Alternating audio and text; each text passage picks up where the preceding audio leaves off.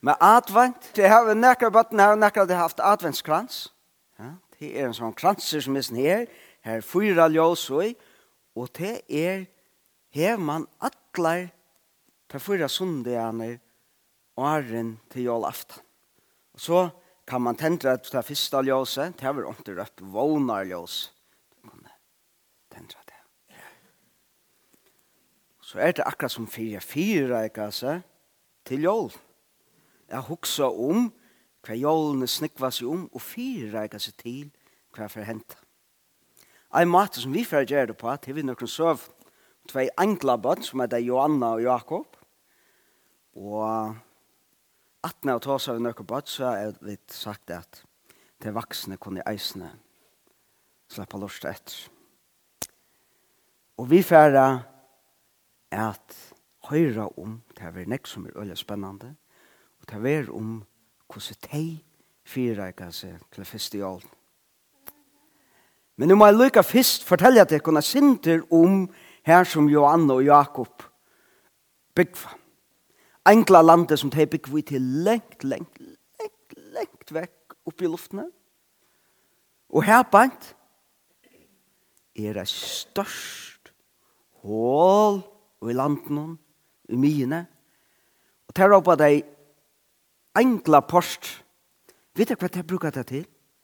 Det er ta englar skulle færa til gjørende, nei til gjørende og ørende for godt. Og vita dit, ta i englar skulle a gjørende og ørende for godt, så færa på tvær måter. Eller kunne færa på tvær måter. Eit, til det seg at det er her var jo vantjer, så flikk var det, ja, så var det ned etter. Men en annan omkretøy, så skulle menneskene gjøre ikke vite at det er enklere. Vet du hva så det gjør? Jo, så krøtja det vanskene ja. Akkurat som det gjør det, tvist. Og en derfor sånn. Lett seg til så, yes. Så spyr kanskje hvor enkla krøtja vanskene er av en derfor sånn, ja. Det er nemlig nekv englappen som har funnet det. Hvor må man gjøre det? Tøy. Det er at krøtja vansjene er av legger det plass og tekra lukas. Sind lukka lenga tui som tek tjokna busta ten.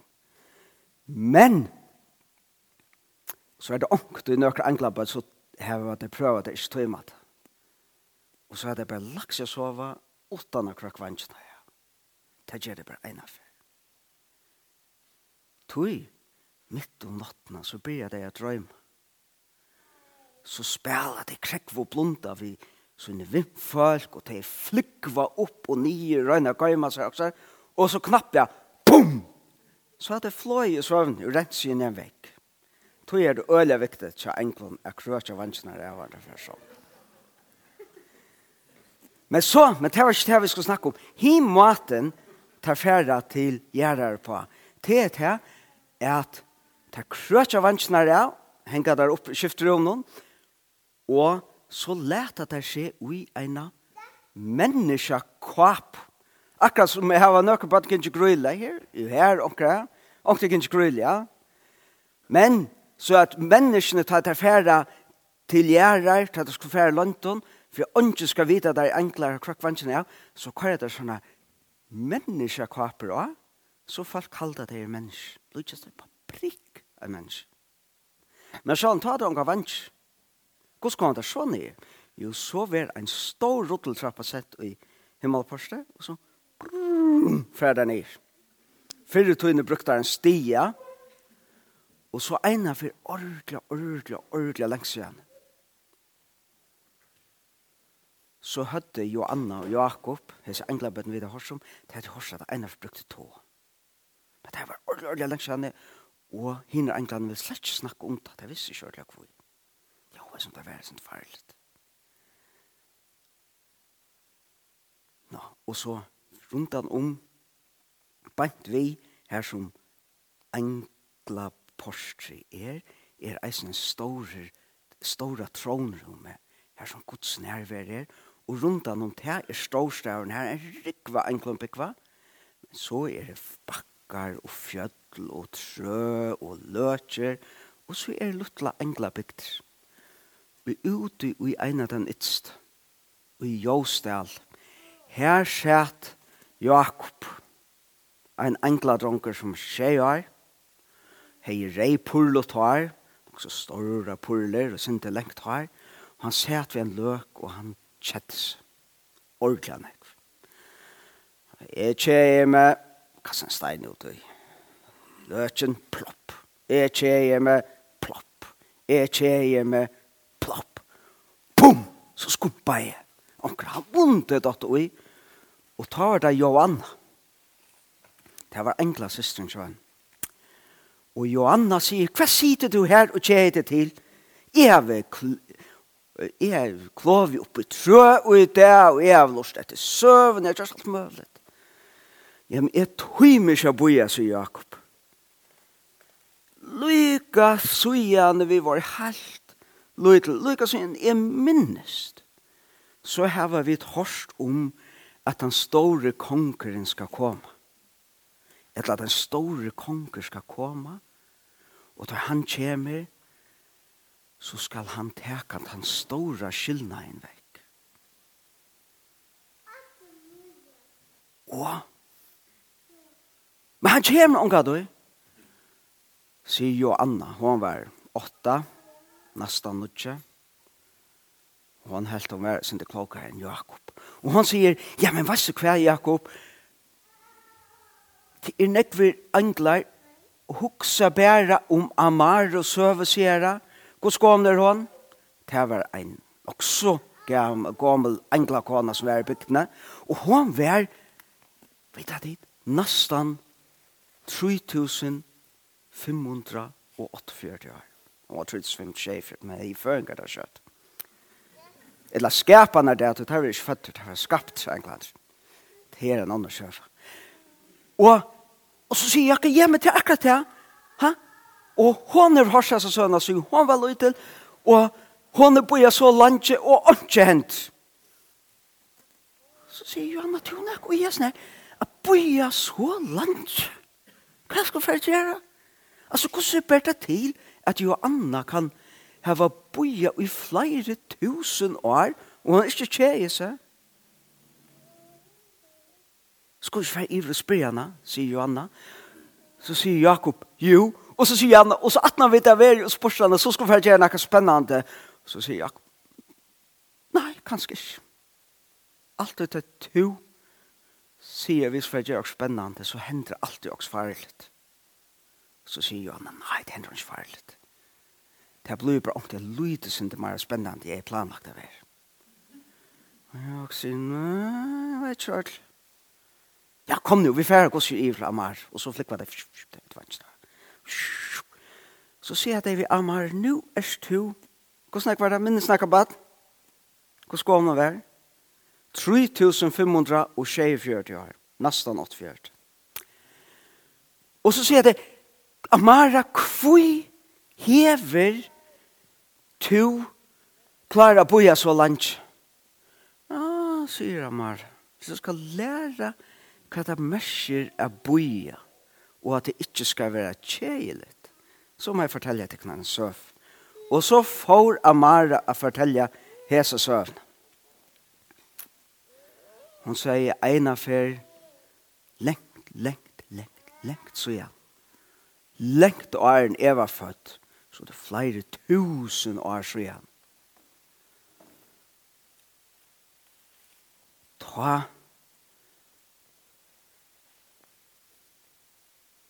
ta i god hei skapt bæje englalandet til okkon og hjørna og Og ta var engla landet nekv narri hjørn. Nu var det lengt vekk.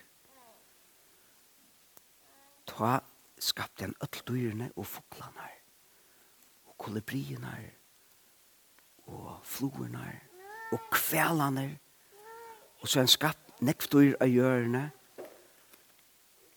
og så han skapt en skapning.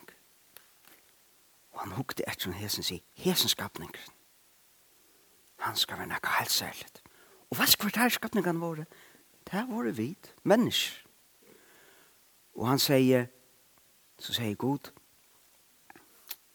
at menneskene, de skulle være mot livsljøs av hjørnet.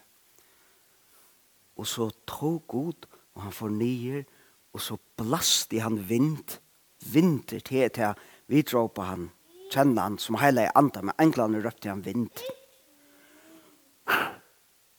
blåste han liv inn i menneskene, og menneskene tog at de hadde livet fra vind inn i seg, så skulle de være ljøsgods av hjørnet. Og vi er være ljøsgods av hjørnet, så skulle de alltid leva i samfellet vi god, og så skulle de djeva hver en øren ljøs og liv, så de kunne leva vel sammen.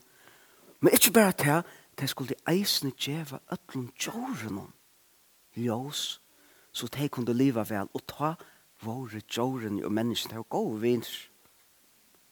Öll djår, le, leiver og elefantar og eitekopar, öll våre vins Og djårene, de finke ljós og liv fra menneskene. Og så skulle de eisne djeva hjørne ljós. Så hon heit stor trøve, nekvån, gåvån, frukton, alt mulig. Men så ein dag så kom O-angelen. O-angelen. Så altså, O-angelen, han er nekka helt anna enn vanlige hinner anglan. Alle hinner anglan som vi ofte kjenner, Ta hjelpa alt det godt, gjør det som godt bidrar, men O-angelen, han røyner gjør alt det motsatt. Og han er at herska li av så innan egne fylgsvein, som gjør alt mølringt og åangelen, han sier vi menneskene, ja, tog meg tid av at det er vind uttekken. Altså, jo, du er god til giv tekken lyst, altså, altså, det er plasset som god teker, det er kun til tid bare selv vi har haft. Så kunne de bare klare alt selv, så slipper de fra jeg har noe god å gjøre, og så kunne tid. jo, er det bare tjener så god jeg gjør, så kunne tid blant konger i hjørnet, stedet for god. Begerne så lustet mennesken etter. Men så en dag så fikk han irritale deg. Han sier, prøv nå bare en affære, vent av god bæts. Så gjør det deg. Så gjør det deg da. Og så miste deg godsa luslås. Så miste de sambandet vi god Og i stedet for å gjøre hver en øren ljøs og gåte hver en øren mysker, og det begynner å klandras, og ærene djinker, det ble krutsk, og det ble ikke vinne ved god langer, så ble det ikke vinne ved hver annan, og djørene ble bensjen fyrir time, til nå fikk det ikke ljøs fra menneskene langer, så det får lengt vekk, og sjalt gjør begynner jeg tattna. Og de måtte gjøre ordentlig nekv, arbeid nekv, for bare for å syndra med Det var det synd. Så sier Amara, og ta hent i eisen til at himmelandet til okkon, det er for ordelig lengt vekk. Det er den store skyldnaren. Og så sier Amara, hun sier, nu kommer vi, vi kommer kjøtt til endan av søen, som Amara sier. Men hun sier, tui er det omæren, han var ordentlig, glad. han grein og flente, så nu er vi finnes min vilja, nu får jeg lett til mennesker, får jeg lett til hjørne, og jeg har ikke på god råd, ikke vet det, så jeg vil unga til han ikke vet det jeg gjør at. Og han gledde som alt det ringa som hent. Men han er ikke feil. God, jeg er stadvek over menneskene. Og han byrja i en lenga søve, og du får han lønt og til gjerrar, et gjerra imist, tog han for å gjøre en lenge søve, og ta den søven, kom til sitt viktigste punkt, ta skulle en konger komme, og den kongeren skulle gjøre alt godt at. Så öll kom til sammenhengens at, fortalte Amara, Johanne og Jakob, sier Johan og Jakob, det er jo ordentlig godt. Jeg er ordentlig glad. Men men og jeg også er det sånn, så sier Jakob, men, men det er tannkongren vi bor etter, ja, ja, det er tannkongren vi bor etter, ja, men du sa svær okken. Vi spurte om, at han får bygge gå så, og jeg gleder meg til at kongren kommer, men jeg får vite hvor jeg ikke bør så tjea med, og han kongren kommer så sier han bare, tid er bøtt, tid er så lille.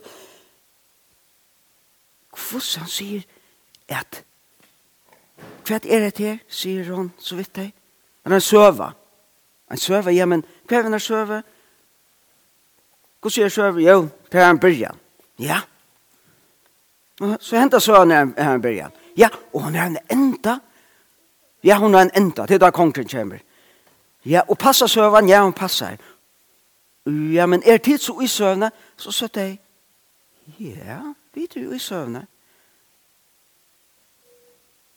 Og tar man når i en er søve, sitter man så bare hender og faun og bojar. Så sa de, nei, hvis man er i en er søve, så gjør man alt mølt. Fyre kommer til enda. Og fyre at enda skal komme, og det skal bli godt. Så sier jeg bare, til just det, til tog at jeg har kunnet bo i mer enn 3500 år, tog at alt det som hender rundt om oss. Ta i engla færa og av vantja tæna så lærer, ta i det tog der parstra søvn, og han skal være lio. Og, og tid, ta tid spela, og blå sterskare klikkvur på trø, så det kan blå stersk, og, og er forviden og prøve å finne ut det av nøkron, og Ta fire reika tid til kun til eisen at gjøre alt møvlet som hever vi søvn at gjøre. Og så sier Amara at lyda tvert. Hun sier, og i halde jo okkur særligt byrjar a henda nu.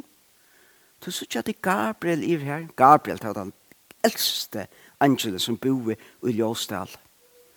Han var lengt iver 20.000 år. Og så sier det Gabriel, Så tja at det er vanskene til han, han bryr akkur alle møvelige liter av. Det har dutt i enklar, Bare vi hoksa så kunne det gjøre minster av vantjen til seg. Her er okkurs helt særlig som fyrir nu å henta, Det er Gabriel er ikke forfengelig. Han er ikke her så vantjen til seg så fine bare for seg selv. Det er okkurs spennende som fyrir henta, Det var godt. Nei, men hva skal jeg... Johanne hukte etter klokken. Vi må skunde dere nå. Her står jeg og til meg. Jeg skal gjøre noe spennende vi vi Jakob Arren, uh, Arren vi må heim.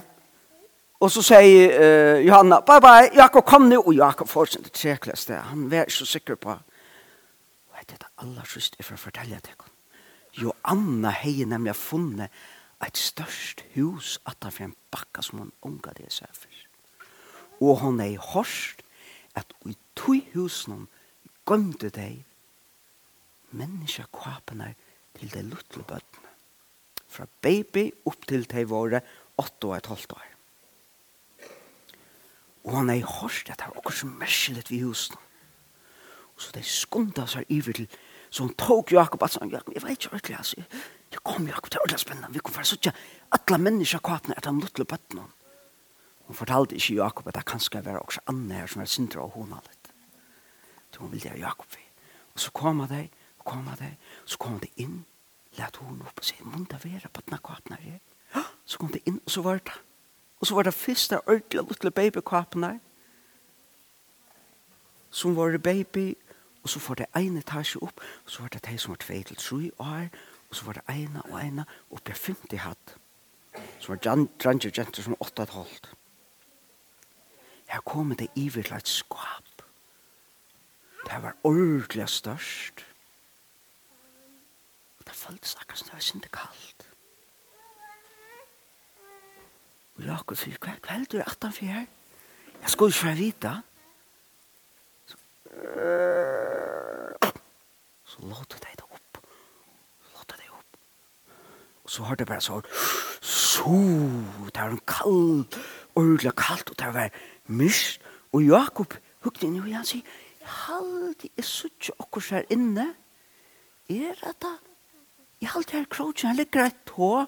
Og så sier han, Johanna, jeg får bare lykke inn av hitja. Og så får han inn. Og så tjekk han. Han er tidlig venknere, han tom ikke av Og så, boom! Så datt han nyer. Oh, Johanna, han sier, å, oh, hatt du hitt hålet som du hatt brukte vansjen her av. Og så har jeg vært mer enn astfer.